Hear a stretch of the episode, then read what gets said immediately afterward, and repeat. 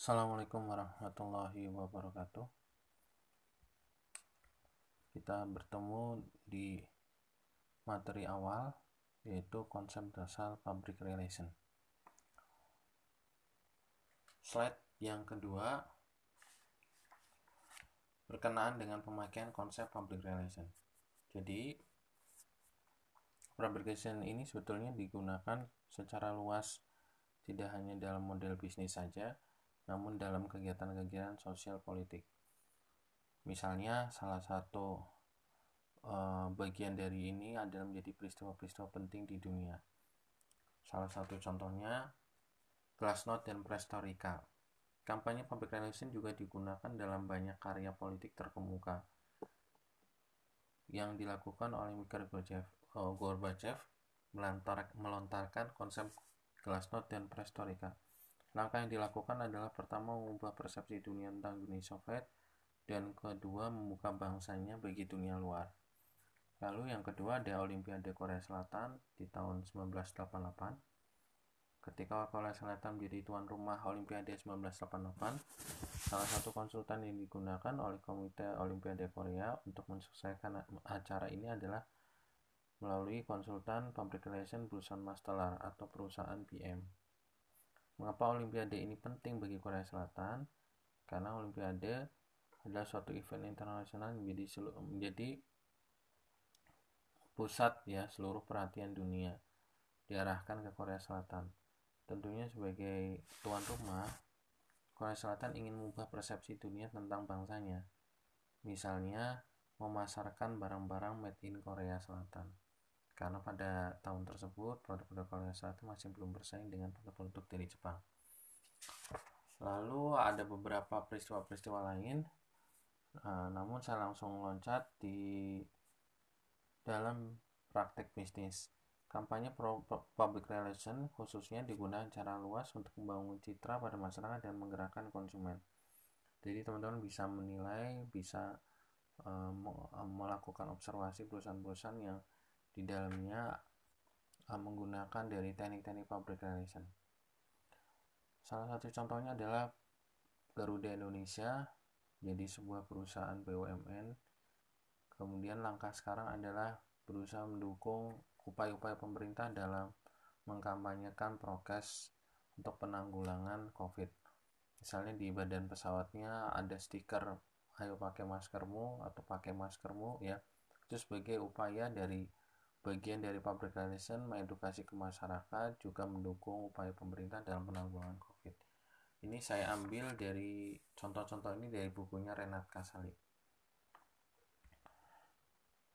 Lanjut ke slide selanjutnya, ini adalah topik yang kita bahas. Yang pertama ada definisi PR, yang kedua aktivitas PR, yang ketiga PR dihadapkan dengan marketing, yang keempat PR dihadapkan dengan advertising.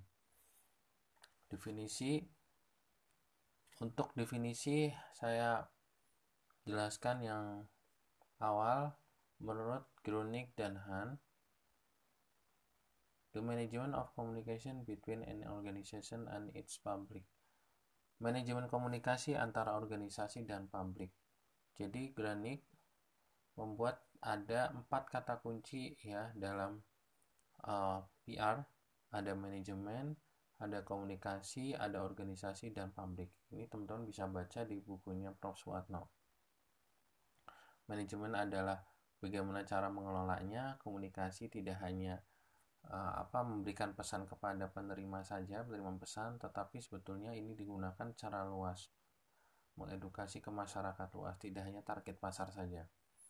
Lalu organisasi, organisasi ini adalah perusahaannya, kemudian pabrik pabrik pabrik pabrik ini adalah stakeholdernya ada customer penyalur kemudian pemasok dan lain-lain menurut Gottlieb Center and Brown PR adalah fungsi manajemen yang mengidentifikasikan membangun serta memelihara hubungan saling menguntungkan antar organisasi dan berbagai entitas publik di mana sukses atau gagalnya organisasi tergantung pada entitas publik tersebut. Jadi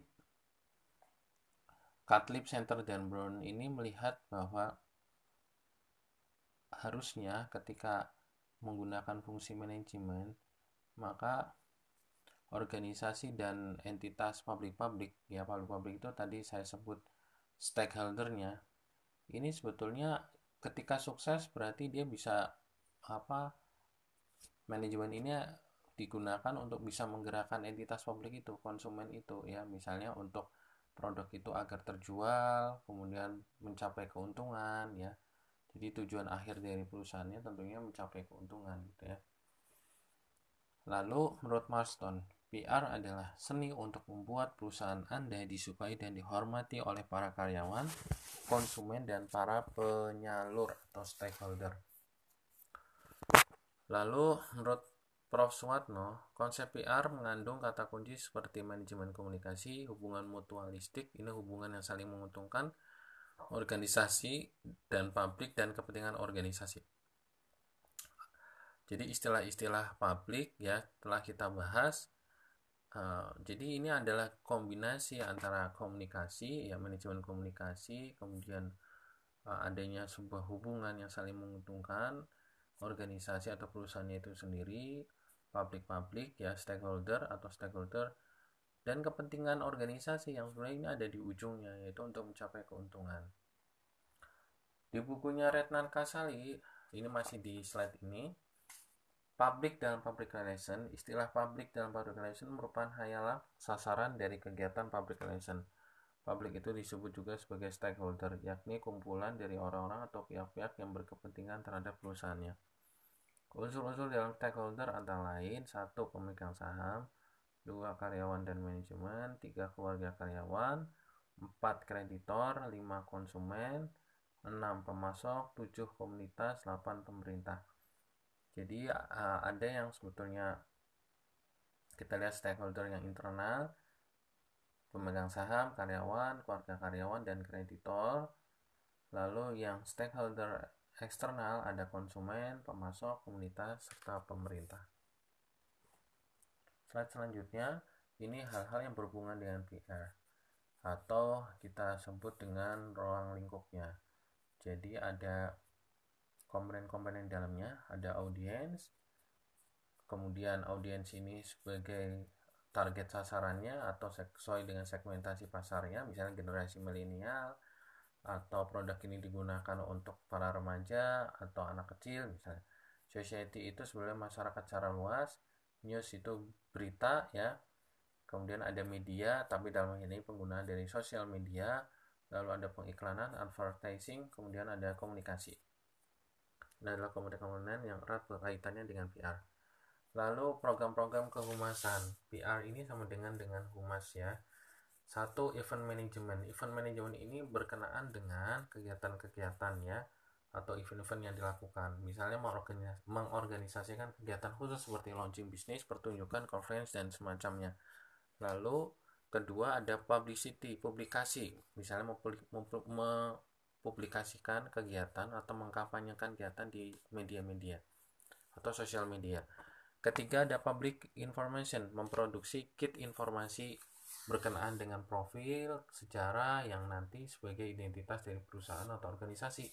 Kemudian ada uh, empat community relation mengajak publik untuk hadir dan terlibat dalam program perusahaan. Misalnya ada eh, kegiatan-kegiatan kampanye perusahaan, launching produk, kemudian pameran, uh, yang ini biasanya kalau kita lihat ada produk otomotif setelah uh, produk itu diluncurkan ada kegiatan touring bersama dengan masyarakat biasanya gitu ya. Lalu lima ada government relation mengajak dan melibatkan para pejabat pemerintah terkait untuk mendukung program-program perusahaan. Slide selanjutnya ada aktivitas PR aktivitas PR ini uh, saya ambil sebagian saja di bukunya Prof. Suwatno satu komunikasi internal. Bentuk kelihatannya komunikasi dengan karyawan. Uh, contoh contohnya adalah ad, uh, adanya buletin inter, uh, buletin internal atau kotak saran ya kemudian kedua PR corporate PR corporate ini seperti komunikasi atas nama organisasi cara kerusuhan jadi bukan hanya mempromosikan barang dan jasa saja, tapi secara keseluruhan ya. Jadi membranding perusahaan, identitas dari perusahaannya. Contohnya laporan tahunan, konferensi, pernyataan etis, identitas, visual, citra. yang paling jamak dilakukan adalah untuk perusahaan go public khususnya perusahaan yang terdaftar dalam pasar saham atau dalam hal ini perusahaan-perusahaan jasa seperti perbankan itu selalu mempublikasi laporan tahunan dan kita bisa mengunduhnya di internet karena kita e, tentunya produk layanan masyarakat ya misalnya seperti perbankan itu kan e, bisnis kepercayaan maka masyarakat harus tahu kira-kira dana-dana yang disimpan di perbankan itu apakah aman bagaimana bisnisnya tumbuh atau tidak asetnya berkembang atau tidak ya perbankannya sehingga bagi hasilnya. Nah itu yang sebetulnya diharapkan informasi tersebut masyarakat yang memberikan pilihan apakah terus untuk menggunakan jasa perus uh, perbankan tersebut atau atau atau tidak gitu ya. Yang ketiga hubungan media misalnya berkomunikasi dengan wartawan termasuk koran majalah TV web. Contohnya adalah siaran pers siaran berita video acara pers. B2B berkomunikasi dengan organisasi lain misalnya pemasok atau retail contohnya pameran event jual beli atau bulletin kalau kemudian urusan publik ini berkomunikasi dengan pembentuk opini. Misalnya politisi institusi pendidikan melalui presentasi briefing dan lain-lain selanjutnya ada CSR Corporate Social Responsibility. Ini adalah kegiatan-kegiatan charity ya. Dalam bentuk misalnya pemberian bantuan dalam bentuk pemberdayaan masyarakat dalam bentuk uh, penanaman pohon gitu ya oleh biasanya oleh perusahaan-perusahaan tambang. Berkomunikasi dengan komunitas, komunitas pencinta lingkungan, lokal, masyarakat, contohnya pameran, pemberian bantuan, sponsorship, laporan. Lalu komunikasi strategis ada identifikasi tentang masalah, solusi, dan tujuan organisasi di masa depan. Contohnya ada penelitian. Terakhir, hubungan investor ada berkomunikasi dengan organisasi atau individu tentang finansial, bentuk kegiatan dan surat contohnya. Selanjutnya ini adalah peran PR di, dihadapkan dengan marketing. Menurut C.E. Grunig, marketing itu hanya berkaitan dengan pasar saja, pangsa pasarnya, sedangkan PR berusaha dengan hayalah publik. Peran di sini PR sebetulnya mengedukasi kepada masyarakat. Misalnya produk-produk otomotif, dia akan menjelaskan detailingnya, spesifikasinya. Namun sebetulnya ini adalah memberikan uh, pemahaman pada masyarakat tentang produknya itu PR-nya itu nah marketingnya bagaimana produk ini akan menyasar ke area mana walaupun yang disasar ini area uh, milenial atau remaja bisa uh, motor Nmax ya namun sebetulnya PR ini untuk mengedukasi masyarakat secara umum secara luas. Nah ini ada uh, beberapa lingkaran dan di tengah itu ada irisan uh, lingkaran marketing berkenaan dengan customer segmentasi berkenaan dengan segmentasi dari masyarakat ya segmentasi pasarnya. Apakah generasi milenial remaja gitu ya. Ada pengembangan produk ada harga ada distribusinya ada servisnya kemudian ada uh, pengiklanan dari produknya kemudian di lingkaran public relation ada publikasinya ada kegiatan ada isu manajemennya. Isu-isu manajemen ini misalnya bagaimana produk itu menjadi viral atau ramai dibicarakan di sosial media lalu ada community relation identity media public affair dan CSR lalu goalsnya adalah PR dan marketing ini adanya kepuasan dari pelanggan adanya reputasi dari perusahaan yang kemudian dipersepsikan oleh masyarakat bagaimana strategi dari medianya kemudian ada corporate advertising. Corporate advertising pengiklanannya yang terakhir adalah adanya uh, employee attitude. Employee attitude adalah persepsi dari karyawan yang menjadi identitas perusahaan persepsi karyawan terhadap perusahaannya. Lalu PR terhadap uh, pengiklanan Menurut Baines, Egan, dan Jeffkin membedakan PR dan iklan dan berbagai hal, misalnya orang-orang yang dituju. Sekali lagi, PR ini untuk umum, sementara advertising pada hal-hal yang sifatnya khusus. Media teman-teman bisa melihat tampilnya lalu kemudian ada tujuan komunikasi. Tujuan komunikasinya pun sama. PR lebih luas uh, kemudian advertising lebih uh, lebih sempit program PR dalam kelembagaan dakwah kita harus bisa membranding bahwa pemanfaatan atau keberadaan kelembagaan dakwah itu dibutuhkan oleh masyarakat. Bagaimana dengan publikasi dakwahnya? Publikasi dakwah ini memiliki kaitannya dengan penggunaan sosial media. Kemudian komunikasi relation atau jaringannya, kemudian bagaimana dukungan dari pemerintah. Kita bisa melihat dari data-data bahwa digital era sekarang penggunaan dari uh, sosial media mencapai 160 juta, kemudian internet 175 juta, yang di dalamnya penggunaan YouTube, WhatsApp itu sangat populer di Indonesia. Demikian yang bisa saya sampaikan.